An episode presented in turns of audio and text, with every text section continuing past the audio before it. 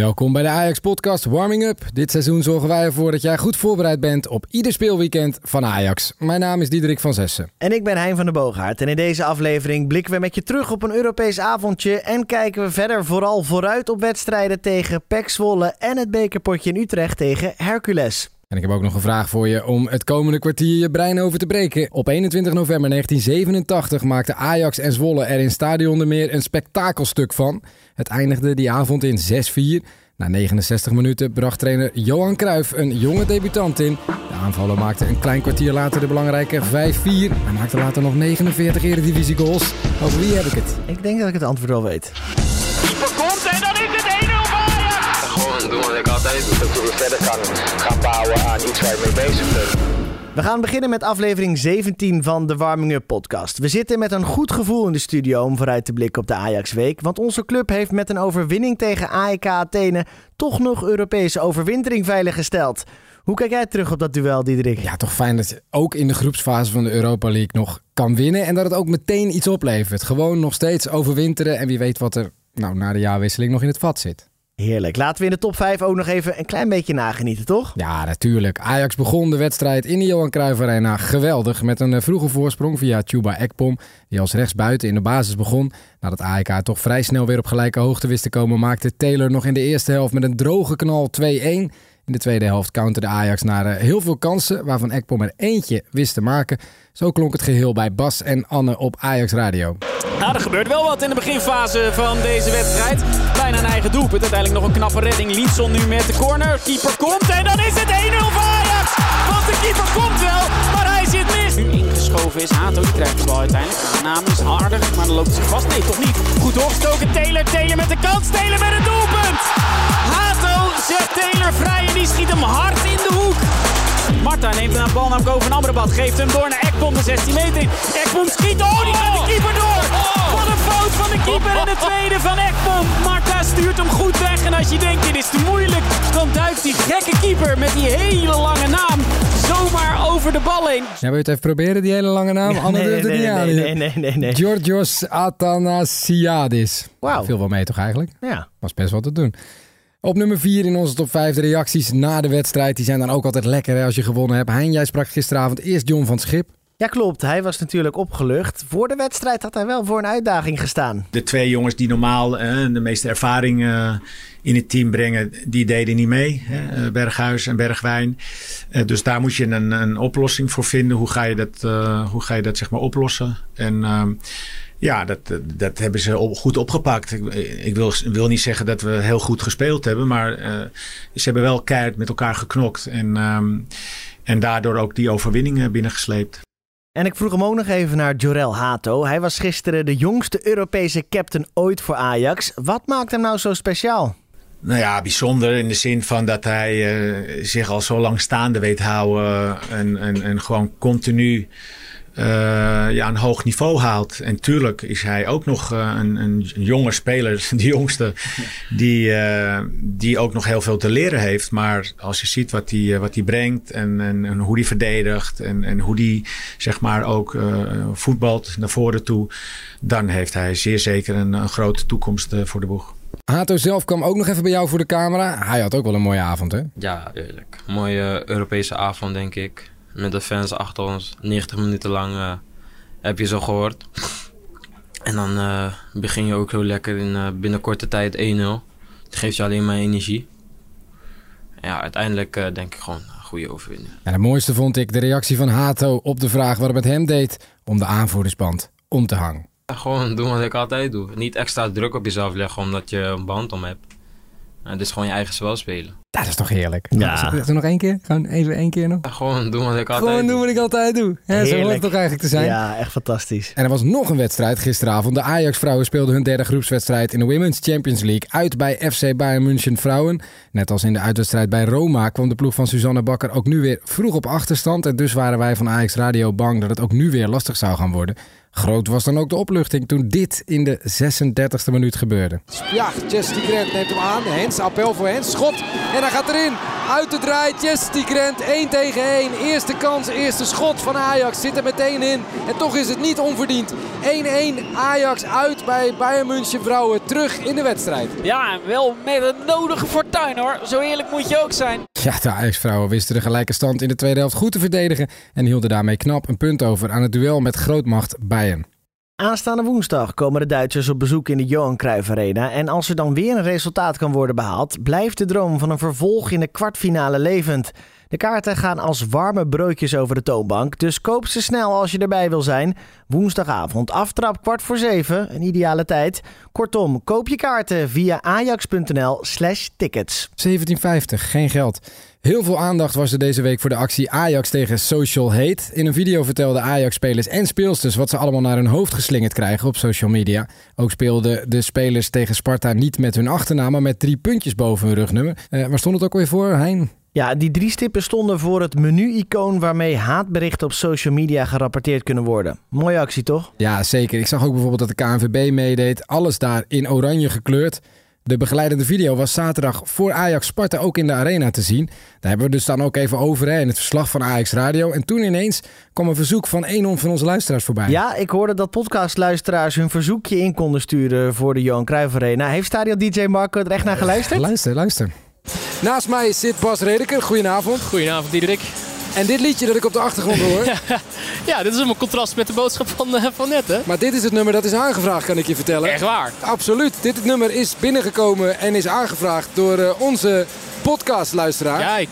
Uh, laat me even kijken. Ja, u vraagt bij het draaien. Het gebeurt ja, gewoon. Je kon dus een liedje aanvragen bij Stadion DJ Marco, die natuurlijk zoals altijd weer staat te draaien. En dit nummer is aangevraagd door Luc. Ja. Luc. Kijk. Hij denkt dat Love Generation een erg mooi, vrolijk nummer is. En als Rotterdamse Ajax-supporter, ze bestaan blijkbaar, die zaterdag in de arena zit. Dus hij is hier. Kijk. Uh, met de Sparta seizoenskaart vind ik het mooi dat uh, Sparta kan worden opgevrolijkt. In verband met het zekere verlies in de arena. nou, mooi, Luc. Dat is te gek, hè? Het verzoek van Luc is dus gedraaid. En ook nog eens op een onwijs mooi moment. Een paar minuten voor de aftrap. Het hele stadion zat al vol. Nou, dankjewel DJ Marco. Dat, hè, dat moeten we bovenop stellen. En, ja, en het heeft geholpen, want Ajax schoot uit de startblokken tegen Sparta. Winston? Ja, ik had mijn sieraden, Ja. kettingen, dus dat, was, dat is algemeen be- bekend, denk ik. Ja, maar dat had nu niet meer gemogen, toch? Op een gegeven moment moesten die, die kettingen Eh, moesten, nee, nu, moesten nee, weg. nee, nu mag het Dat niet wordt meer, altijd gecheckt. Ja, Ja. ja. Maar dat, Had je er veel, Dat was voor mij. Ik had er een paar. Willem Wever, maar dan over de mooiste club van Nederland. Wij zijn op zoek naar de beste alledaagse vragen over Ajax en proberen dan in de Ajax podcast Warming Up iemand te zoeken die het antwoord weet. Deze week buigen we ons over de volgende vraag van luisteraar Tom. Ik heb een vraag voor de technische staf van Ajax. Tijdens wedstrijden zie je op de bank dat een van de assistenttrainers een oortje in heeft. Waarom heeft de assistent dit? En wat wordt er dan zoal gecommuniceerd en met wie? Nou, wij vroegen het Maduro om een antwoord. Ehm, Oké, even voor de duidelijkheid. Eh, bij ons op de bank zitten nu John van der Schip, Michael Valkanis, ikzelf en Said Bakati. En Said Bakati heeft altijd een oortje in. En hij heeft contact met Anton Scheuntjes, de keeperscoach. En Richard Witsche, die zitten bovenin het stadion. En ook met Rick Drijssen, de videoanalist. Ehm, en de reden daarvoor is, is ehm, omdat- wij altijd momenten van eh, in de eerste helft of in de wedstrijd kunnen wij eh, contact hebben en we kunnen beelden selecteren voor in de rust. Dus stel je voor, eh John van het Schip eh, ziet een moment, of Michael ziet een moment, of Said ziet een moment, of ik zie een moment. Kan Said contact opnemen via zijn oortje met Rick Drijssen, of met Richard, of met Anton. En die clips selecteren we voor in de rust. Of misschien zelfs voor de nabespreking al na de wedstrijd, wat we eventueel zouden kunnen doen. Ehm, voor de rest is het gewoon ook bevestigend. Dus hoe staat de tegenstander? Klopt het wat we verwacht hadden? En van bovenaf kan je dat iets beter zien, want dan zie je de ruimtes ook beter. En waar liggen onze kansen? Vaak hebben we dan een, eh, een, een bevestigende actie zeg maar, van bovenaf. Dat is eigenlijk eh, de reden wat we hebben. En eh, de spellenvattingen. Corner verdedigend. Dus Anton Scheuntjes is eh, verantwoordelijk voor de corners eh, verdedigend. Ehm, die, die geeft altijd eh, de namen door bij de corners. Of de tegenstander eh, staat anders of ze staan goed. Ehm, zodat zij direct je direct eh, contact kan eh, hebben met de spelers op het veld. Heb jij ook een vraag aan Ask Ajax? Stuur nu een mailtje naar podcast.ajax.nl. Dan gaan wij achter het antwoord aan. De leukste vraag van de maand krijgt een Ajax-shirt thuisgestuurd. We kijken in deze podcast om te beginnen vooruit op Ajax Pek Zwolle. Tijdens dat duel zal Ajax-coach John van het Schip niet op de bank zitten. Hij reist af naar Australië om daar aanwezig te zijn bij de bruiloft van zijn zoon. Eerder deze week vertelde hij vast met wat voor gevoel hij afreist naar Down Under. Nou ja, ik ben blij dat ik uh, zeg maar uh, dat, dat we deze fase, die vijfde plek, uh, dat, dat we daarvoor in ieder geval zijn gegaan en dat we dat ook hebben behaald. We moeten nog wel een wedstrijd tegen Pek binnen afsluiten. Uh, en dan ga je wel met een gevoel van nou, dat je de tweede helft van het seizoen, dat je weer verder kan gaan bouwen aan iets waar je mee bezig bent. Dus dat, dat geeft een goed gevoel. En verder ga ik, met een, ga ik met een gevoel naar Australië, ja, wat ik, uh, dat ik heel erg naar uitkijk. Omdat, omdat er natuurlijk heel wat gebeurd is de afgelopen maanden. En, uh, en mijn zoon die, die gaat trouwen. Dus dat zijn, ja, dat zijn natuurlijk hele mooie momenten. Maar het zal ook best wel uh, confronterend zijn. Om vooruit te kijken op Ajax Pack moeten we dus niet bij John van het Schip wezen. Daarom vroeg ik aan zijn assistent Michael Vakanes wat zijn verwachtingen zijn voor dit weekend. Look, yeah, it's going to be it's going to be nice to encounter Peck.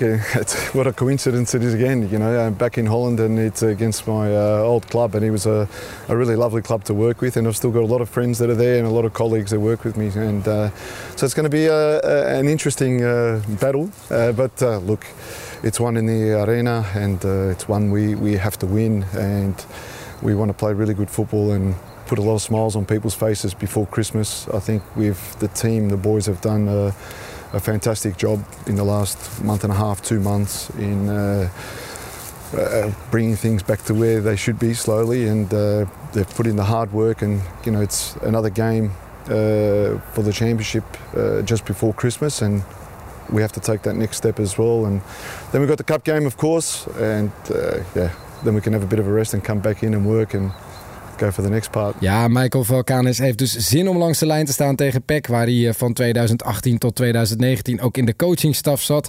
Je vroeg hem ook hoe het met de fitheid van zijn selectie zit. Is Bergwijn er zondag bij? Yeah, but, uh, we'll find out a little bit more about Steven Bergwijn. Um, yeah, he's got his issue. Uh, look, he might not be available, but otherwise, yeah, we'll look at uh, Robbie as well, where he's at. He came out a little bit early in the A game, but uh, yeah, we're thinking he'll be able to train tomorrow, so we'll have a look at that. Otherwise, yeah, it's uh, we'll be ready for this game. Steven Bergwijn is dus een twijfelgeval. Mocht hij wel meedoen, dan staat hij nog steeds op scherp.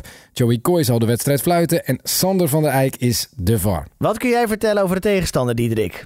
Nou, het rommelt bij promovendus Pek Zwolle. De ploeg staat na 15 wedstrijden op een prima 11e plek. Maar afgelopen weekend vertelde aanvoerder Bram van Polen dat hij gek wordt van de onrust naast het veld. Het is dus de vraag of de ploeg van Johnny Jansen er in de Johan Cruijff Arena in slaagt om de knop om te zetten. Als dat ze lukt, moet Ajax oppassen voor Ferdy Druif en Lennart die samen al goed waren voor 9 goals en 4 assists. Ik heb twee bemoedigende statistieken opgezocht. Nummer 1. Ajax is al 17 jaar op rij ongeslagen in zijn laatste eredivisie-duel van het kalenderjaar.